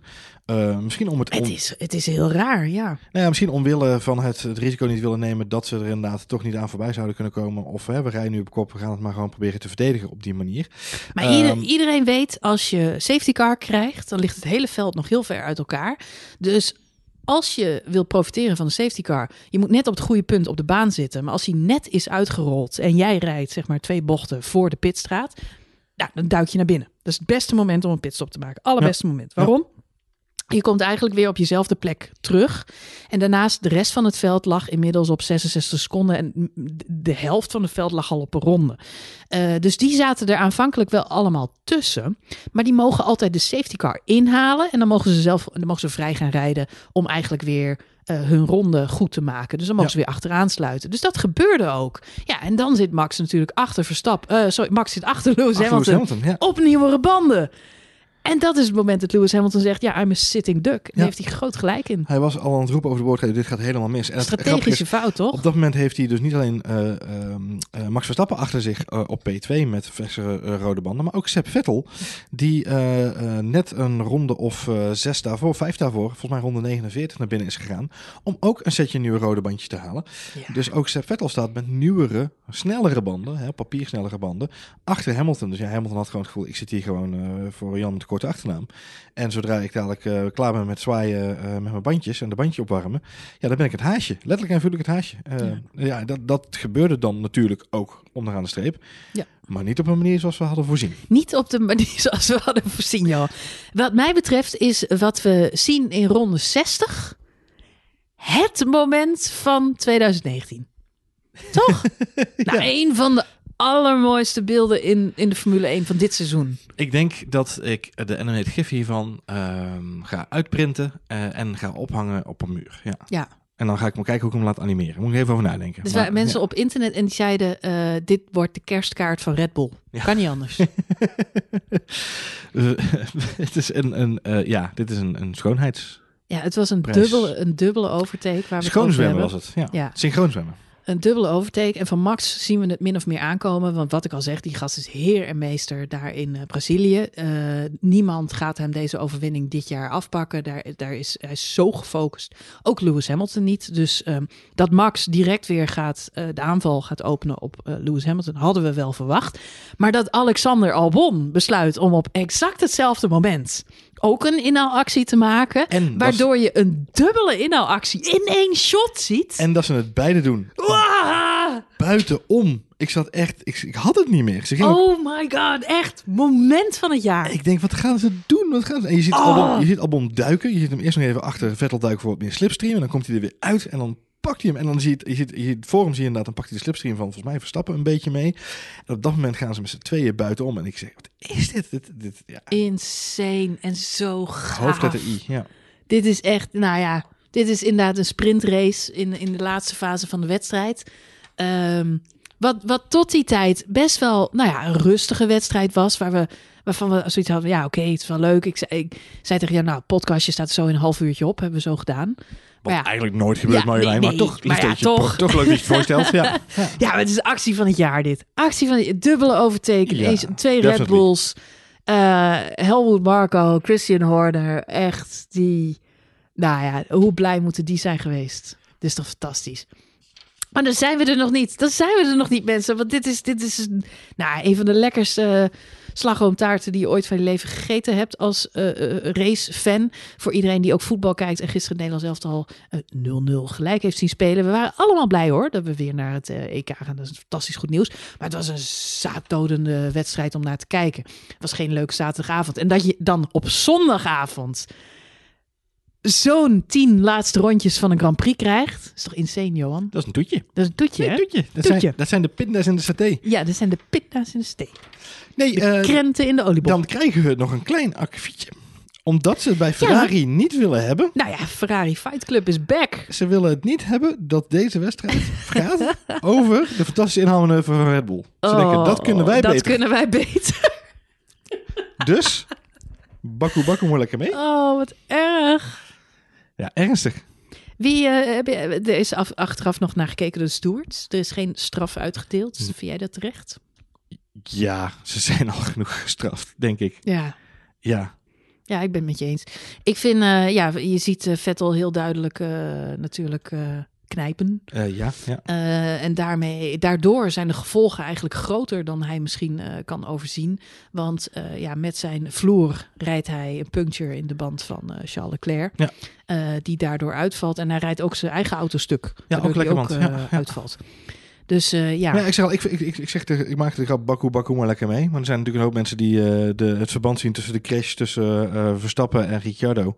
Ja. Eh, Baku vorig jaar. nou, en Turkije werd veel genoemd, hè? Vettel en ja, Webber. voor Vettel. Ja, maar dat is ook meer omdat Vetteltje dat ook weer daarbij betrokken is natuurlijk. Ja, dit is weer een type. Het is een klassiek Vetteltje. Maar ja, aan de andere kant denk ik, Leclerc, je weet het. Je Nee, maar- weet het. Nee, maar dus, dus nog één stapje hoger. Marjolein zoekt Ja. altijd nog een stapje hoger. Het is klassiek teammanagement. Oh ja, maar bij Ferrari eh zaten ze ook te slapen. Eigenlijk net zoals die, eh, die, die pitcrew van Williams. Gewoon, ze, ze staren wel in de verte, maar ze zaten niet meer op te letten. Er hadden gewoon teamorders moeten Ze plaatsvinden. hadden, ze hadden op het moment dat eh, ehm, Albon die actie buitenom maakte, eh, was al duidelijk dat Leclerc eigenlijk veel sneller zou zijn dan, eh, dan Vettel. Ja. En op dat moment hadden ze eigenlijk al die, die keuze moeten maken om te zeggen, joh, laten, want Vettel, Leclerc heeft ook nog nieuwe banden gehaald.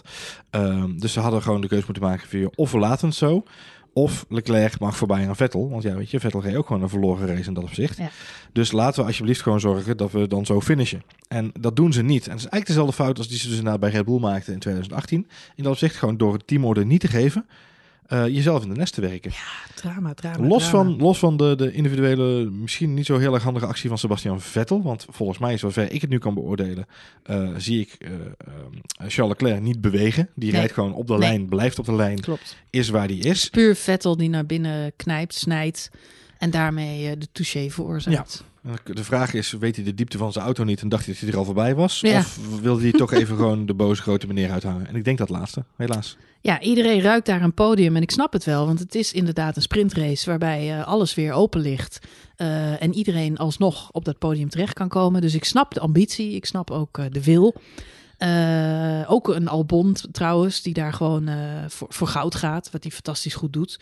Ehm, dus ja, al, waardering alom voor het feit dat er in elk geval geraced wordt en dat niemand deze laatste twee Grand Prix hopelijk voor lief neemt. Nee, Maar het pakt voor Ferrari helaas eh, niet goed uit. Wat leidt tot eh, nog een eh, safety car situatie waarbij we opnieuw een cruciale F-up van Mercedes zien. En dat is dat ze Lewis Hamilton alsnog naar binnen gaat halen. Ja. Maar eh, dat begrijp ik al helemaal niet. Omdat je op dat moment heb je net een safety car gehad. Dus het hele veld zit helemaal bovenop elkaar. Dus als je dan een pitstop maakt, dan val je niet één plek. Maar dan val je wel drie of vier plekken er terug. is, er is geen unlapping meer inderdaad, nee. Nee, Nee. dus eh, wat we dan zien is ineens een Honda-podium. Wat te gek is, want eh, we hebben dan eh, Pierre Gasly op eh, plek 3, Albon op 2 en Max natuurlijk op de eerste plek. Nou, iedereen had ervoor getekend om dat zo te laten finishen. Dat was fantastisch Ja, geweest. Zeker. Maar de raceleiding besluit om twee ronden voor het einde toch te laten herstarten. en dan krijgen we sprintrace 2, jawel, ronde 69 komt er een herstart. En eh, ja, dan wordt het opnieuw spannend, toch? Ja, en dan is er nog maar eh, goed en wel anderhalf, nou twee rondjes zijn er nog te rijden. Drie? Ja, nou ja, ik zit vooral te duimen dat eh, Max gewoon goed wegkomt. En dat doet hij. zeker. Die laat eigenlijk Ja. gelijk iedereen ver achter zich liggen. Albon en, en Hamilton en Gasly laat hij eigenlijk allemaal achter zich inderdaad. Ja. Ja. Ja, dan is het wel sneu dat Gasly vrij snel zijn derde plekje weer kwijt is aan Lewis Hamilton, Ja. die eh, vierde lag. En natuurlijk gewoon dat podium weer terug wil pakken. Maar ja, alleen een podium is voor de zesvoudig wereldkampioen, telt niet mee. Maar ik zeg hem toch, eh, niet voldoende. Hij wil daar nog een tweede plek halen. En dat is eigenlijk waar het misgaat. Want dan eh, ja, toucheert hij Albon. Dan krijgt hij na afloop ook een penalty voor. Ja. Terecht, toch? Terechte penalty inderdaad. Ja, wel Alhoewel, er er, zijn, er zijn ook wel mensen die zeiden... eh, Albon kiest daar een beetje een onlogische lijn. En hij laat een heel groot gat open voor Lewis Hamilton. Het is geen logische plek om eh, in te halen. Maar hij maakt zo'n wijde bocht... dat het ook niet gek is dat eh, Lewis Hamilton daar die ruimte opzoekt. Nee. Alleen wat raar is, is dat Lewis Hamilton zich dat in dat moment realiseert. En dan een soort van gaat remmen en... eh, zijn banden ook eh, vastslaan, waardoor het uiteindelijk een touché wordt. Door een touché, ja. Ja, dat had hij beter niet kunnen doen. Wat Robert Dornbos in de analyse terecht zei, is had hij daar nou gewoon zijn auto laten staan, dan had Albon hem in elk geval gezien. Ja. En dan Had hadden ze, ja, Ja. dan hadden ze kunnen uitwijken. En dan waren ze, hadden ze elkaar niet geraakt. Was het allemaal goed gekomen. Eh, maar goed, dat gebeurt dus niet. Wat heel sneu is voor Albon, want die verliest daarmee zijn eerste podium. Ja, die valt helemaal terug naar P14. Super sneu. Wat wel, grappig is, is, we hadden het al even over Toto Wolf. eh, hoe die Ja. voor de tv zou hebben gezeten voor deze wedstrijd. Eh, nou, hij zal nog wel even nagebeld hebben met het team in de debrief. Want intussen heeft de technische directeur James Ellison laten weten... ehm, eh, dat de, de final decision, dus de laatste ehm, beslissing om die pitstop te maken... die hebben ze aan Lewis Hamilton overgelaten. En dat noemde hij in Brazilië voor de pers gewoon ronduit dom... En een rookie error, oftewel een beginnersfout. Eh, wat nog veel saillanter is in het hele detail, want ik heb heel snel even eens te lezen. Dit is vers van de pers. Eh, wat nog veel saillanter is, is dat Lewis Hamilton die keuze gemaakt heeft op foute informatie van zijn eh, strateeg, Peter Bonington. Pijnlijk, pijnlijk. Want net voordat hij bij de pit-ingang was, heeft Peter Bonington al laten horen over de radio. Laat ons weten als je nieuwe bandjes wil. Het kost je één plek. Oké. Eh, dat heeft hij twee keer toe herhaald, waarop vervolgens Hamilton heeft gezegd: Ik laat de keuze aan jullie. Eh, waarop hij vrij snel daarna zei: Oké, ik kom er binnen, ik kom er binnen. En vervolgens reed hij de pitstraat in. Eh, in werkelijkheid verloor hij dus inderdaad twee plekken, want zowel Albon als Gasly haalden hem in. En vervolgens had hij nog maar twee rondjes om het goed te maken. Nou, dat maakt natuurlijk ook voor een beetje haastwerk. Dus bij Mercedes zijn ze daar ook nog wel even aan het na-analyseren hoe deze eh, clusterfuck heeft kunnen ontstaan in dat opzicht. Schandalig, schandalig. Maar goed, ja, de- het kwam ons natuurlijk allemaal mooi uit als Max Verstappen-fans, want het was daardoor een fantastisch podium. Het was Toch? een fantastisch podium en een fantastische zondag. Vond ik ook, vond ik ook. Ik geef deze race, Marjolein, vier grote sterren. Vier sterren van de Vier vijf. Oh, hebben we vijf sterren? Oh, dat wist Ja, ik op de niet. Twitters hebben we maar vier Oh, we sterren. hebben maar vier sterren. Weet je, dan geven we hem vijf sterren. Bonussterretje, vijf sterren. bonussterretje, Bonussterretje. Van, bonussterretje van Twitter erbij. Top. Nou, ik, ik ben het met je eens. Helemaal vijf mooi. sterren. Moeten we nog heel even snel naar de voorspellingen kijken? Ja, goed idee. Goed idee, goed idee. ik ervoor? Ik, eh, nou ja, eh, jij hebt in ieder geval één punt hebben we al geconstateerd. Ja, zeker. Ik pak heel even jouw, jouw eh, ingesproken voorspellingen erbij. Max Verstappen, pole position. Check. Je hebt je het binnen. Eh, het, de, de term zesvoudig wereldkampioen valt dit weekend maar liefst zes keer. Ik heb het bijgehouden. Ik heb de term wereldkampioen wel heel vaak eh, gehoord. Ik had Ja. het iets algemener moeten houden, Helaas, denk ik. toch wel. Jammer. Als laatste puntje had jij Ferrari verkloot een pitstop en de auto valt daardoor uit. Een auto van Ferrari valt uit. Oh, een auto valt Ja, uit. ik had, ja, het is grappig, want ik had wel in mijn hoofd zitten dat er weer een Ferrari Fight Club fuck-up zou zijn. Eh, maar dat die zo groot zou zijn als vandaag. Zeg maar Hamilton, Epische Rosberg. Barcelona. Ja, ja, ja. Groot had ik niet verwacht. Nee. Maar goed, En er was ook geen pitstop bij betrokken, maar voor de rest nee, helaas. ook geen makkelijke manier om een half puntje te pakken. Helaas, Is wel een helaas. Ferrari uitgevallen. Voorspellingen van Johan. Goed. Voorspellingen van Johan. Ja. Lando Norris en Carlos Sainz doen iets grappigs op Instagram. Nou, dat komt nu pas, want Carlos Sainz heeft net zijn beker opgehaald. Dat was heel grappig, maar helaas stelt hij dan dus niet mee. Timo Glock komt minimaal drie keer in beeld. Nou heb ik Timo Glock wel voorbij zien komen, maar dat komt omdat hij in de introfilm zat van de, van, van de Oh nee, hij zat in de voorbeschouwing. Hij kwam voorbij op de grid toen Oh. eh, Jack Ploy eh, over de grid liep. Kijk. Ja. Dus dat is één Maar het keer. is één keer. Ja. Dus Goed, één zie derde punt. En ja, weet je, vandaag was zijn kans daar. Het had er, alles was, alle, alle lijnen stonden goed. Maar helaas, Nico Hulkenberg pakte vandaag ook geen podium. Oh, het had vandaag wel gekund, want het was wel zo'n race. Het was zo'n race. Oh, arme Nico. Today was his day. Oh, het was een hele mooie foto van Nico, hè? Ja, Die op het circuit stond, te over, zijn zonden te overpijnzen. heel betreurenswaardig om te Het zien. was juist op Interlagos dat hij zijn, zijn, zijn beste resultaat van zijn carrière haalde. Dat een was pole. een pole position. in zijn debuut. Ja. Ja. Wat eh, wat frappant was, als we het nu toch even over de Nico hebben, eh, is Nico Hulkenberg is op de vijftiende plek geëindigd. Ehm, terwijl zijn teamgenoot Daniel Ricciardo in Zevende? dezelfde hardware, zesde uiteindelijk natuurlijk is geworden, Zesde, door de tijdstraf Van, van, Hamilton. Hamilton. Ehm, maar die is wel teruggekomen van eh, P20 eh, ook. Dus we hebben meerdere mensen die vandaag vanaf P20 zijn teruggekomen. Omdat hij een 5 seconden time penalty kreeg. na aanleiding van die collision met, met Magnussen. Dus die heeft een topprestatie geleverd met die hardware vandaag. Terwijl Nico Ricciardo, Hulkenberg het ja. niet redden. Nee. Dus dat is toch zonde. Heel jammer. Hadden we nog een, eh, een paar leuke inzendingen van onze luisteraars. Dus zet er hele goede bij. We pakken ze er even bij. Even kijken, wat hebben we hier? Ja, we hebben hier een, eh, een eh, tweet van Lars. Lars zegt, Max wordt er dit jaar weer afgetikt, maar behaalt nog net een podium. Nou, Kubica heeft zijn best gedaan. Maar hij wordt er helaas niet afgetikt. Nee, Jack Ploy zal het tijdens was de wel race... bijna gelukt. Ja, daarom. bijna gelukt. Kubica deed zijn best. Ja, precies. Dat is helaas net niet gelukt. Jack Ploy zal tijdens de race twee keer een boordradio verstoren. Of eh, zelf, of met een interview. Ik heb geen twee keer, maar wel één Nee. keer meegemaakt. Lewis Hamilton heeft hij... eh, eh, Doorheen eh, getetterd? heeft hij- hij, hij, Oh. hij hield precies op het juiste moment op. Maar het was wel na dat moment. Ehm, en, en Lars, ja helaas Lars, maar deze kunnen we echt niet goedkeuren. Hamilton zal nu, dat hij kampioen is, de hele race niet klagen of in paniek zijn. Nee, die kunnen we zeker niet goed kunnen. Volgens mij had hij voor de start had hij deze voorspelling al niet waargemaakt. Ik denk dat als er één iemand nerveus was dat Toto er vandaag niet was, dat het Lewis Ja. Hamilton was.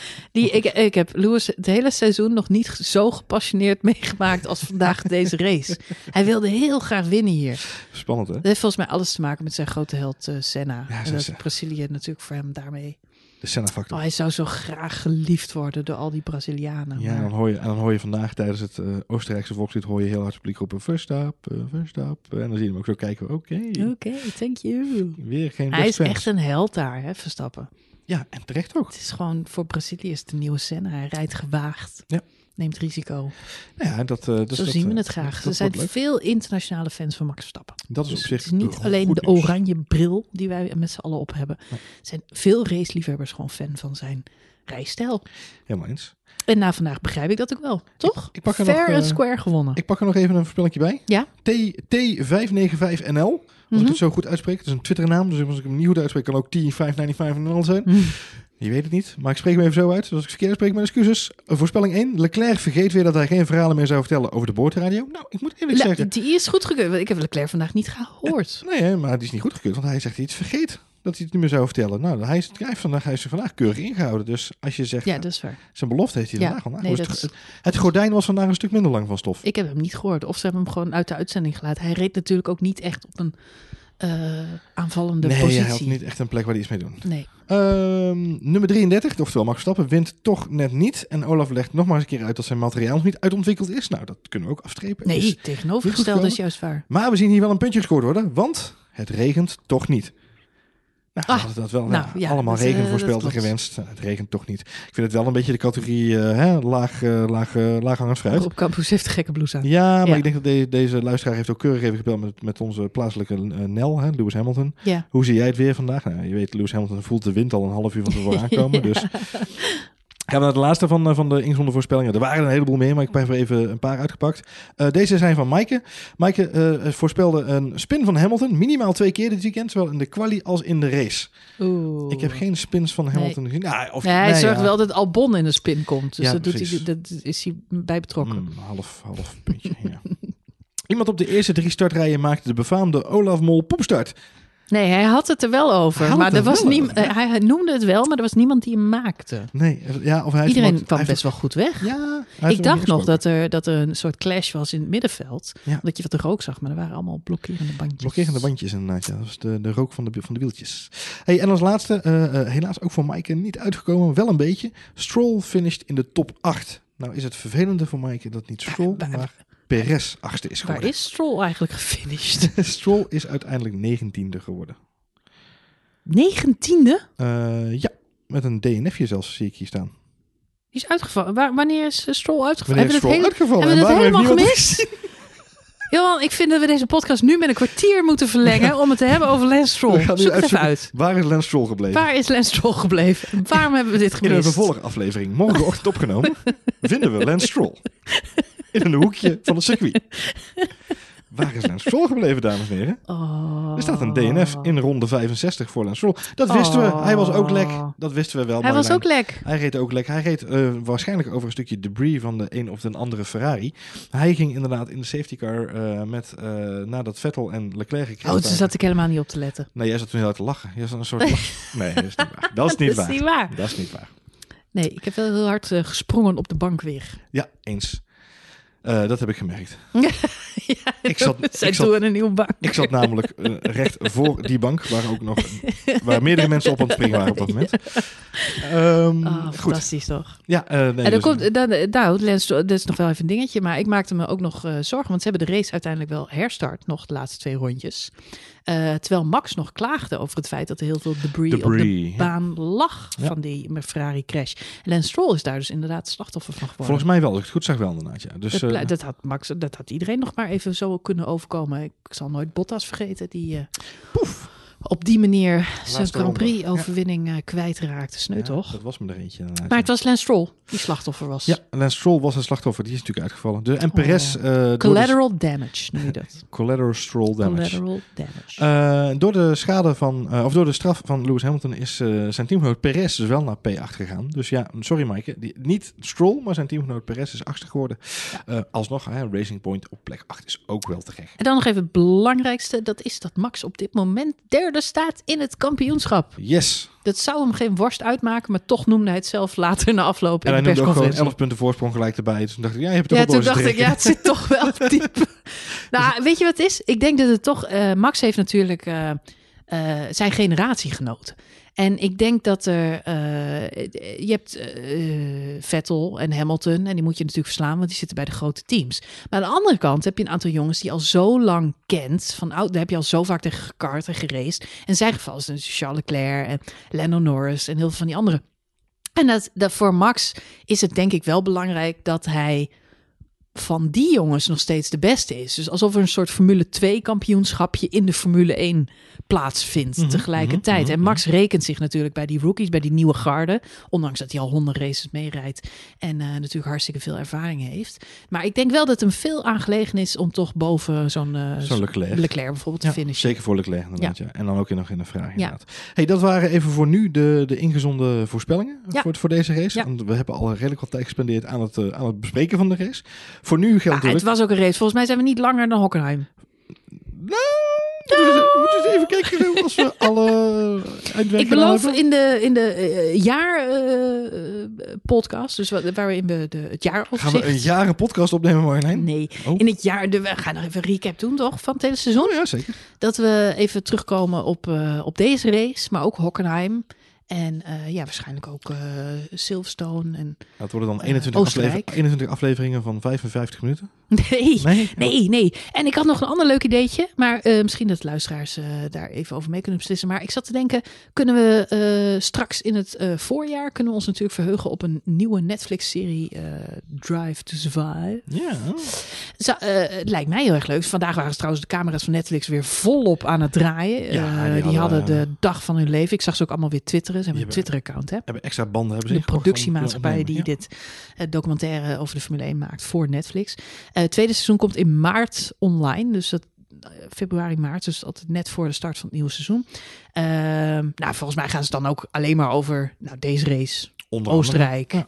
Eh, Monza waarschijnlijk. Hockenheim. Hockenheim. Ja, ja. Nou, maar er zitten een paar goede verhalen tussen. Zeker. Lijkt mij leuk om, eh, om dan in elk geval alvast terug te komen met eh, F1 Spoiler Alert. Voor zover we überhaupt in de winterstop natuurlijk extra uitzendingen zeker gaan maken. Maar laten we dan ook de Netflix-serie bespreken, Lijkt toch? een goed idee. Ik ben dol op drama bespreken. Ja, Ja. Dus dan eh, mogen we al deze mooie races nog een keer meemaken en Leuk. nog een keer zien. Goed idee. Maar dan geëdit door Netflix, toch? Goed idee. Nou, top. Oké, jij nog eh, huishoudelijke Nee, mededelingen? eh, voor nu, voor nu dit waren de ingezonde, voorspellingen, stukken. De ingezonde stukken. En voor dan nu geldt dat besluit ik deze vergadering. de, voor nu geldt dat de poll natuurlijk weer live gaat en dat we heel benieuwd zijn naar jullie review van de race. We hebben natuurlijk maar vier sterretjes op de Twitters, maar als jullie er vijf willen geven, laat het dan gewoon even weten. Ja, geef gewoon vijf. Geef gewoon vijf. Of een gifje Of een giffie. Van Carlos Sainz. dat Jullie, is ook goed. jullie race in één gif. Daar Ja. gaan we. Nou, dan sluit ik de vergadering. Dan gaan we door naar de borrel. Lekker hamerstukken. De borrel. Op nou, maandagochtend blik- in de file. blikje, blikje op de klok, eh, zeg maar, Marjolein. Dat, eh, Tijd voor een richting, kop koffie, mensen. Tijd Juist, voor een kop koffie. Maak er een mooie werkdag van als je deze podcast eh, s ochtends luistert. Of als je Eh, nachtdiensten draait. Maak er een mooie werkdag van, hoe dan ook. Eh, en wil je reageren op onze review van de Grand Prix van Brazilië? Of heb je nog vragen naar aanleiding van de race? Of de laatste race die we volgende week natuurlijk nog gaan voorbeschouwen? Eh, dan kan het via Twitter Nou, at F1 Spoiler Alert. of naar, Marjolein met een lange ei. of naar Johan Voets met een lange oe. Eh, laat het ons vooral weten. Daar praten we samen verder.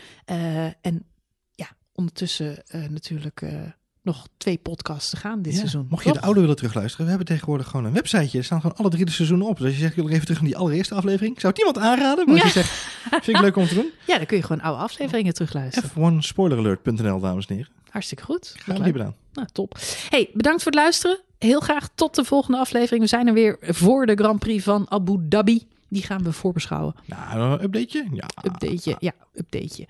En eh, wat gebeurt er met Nico Hulkenberg? Dat staat centraal. Eigenlijk het enige wat er nog toe doet. Dat is de enige vraag die nog open ligt dit Goed. seizoen. Goed, bedankt voor het luisteren. En eh, tot de volgende aflevering van F1 Spoiler Alert.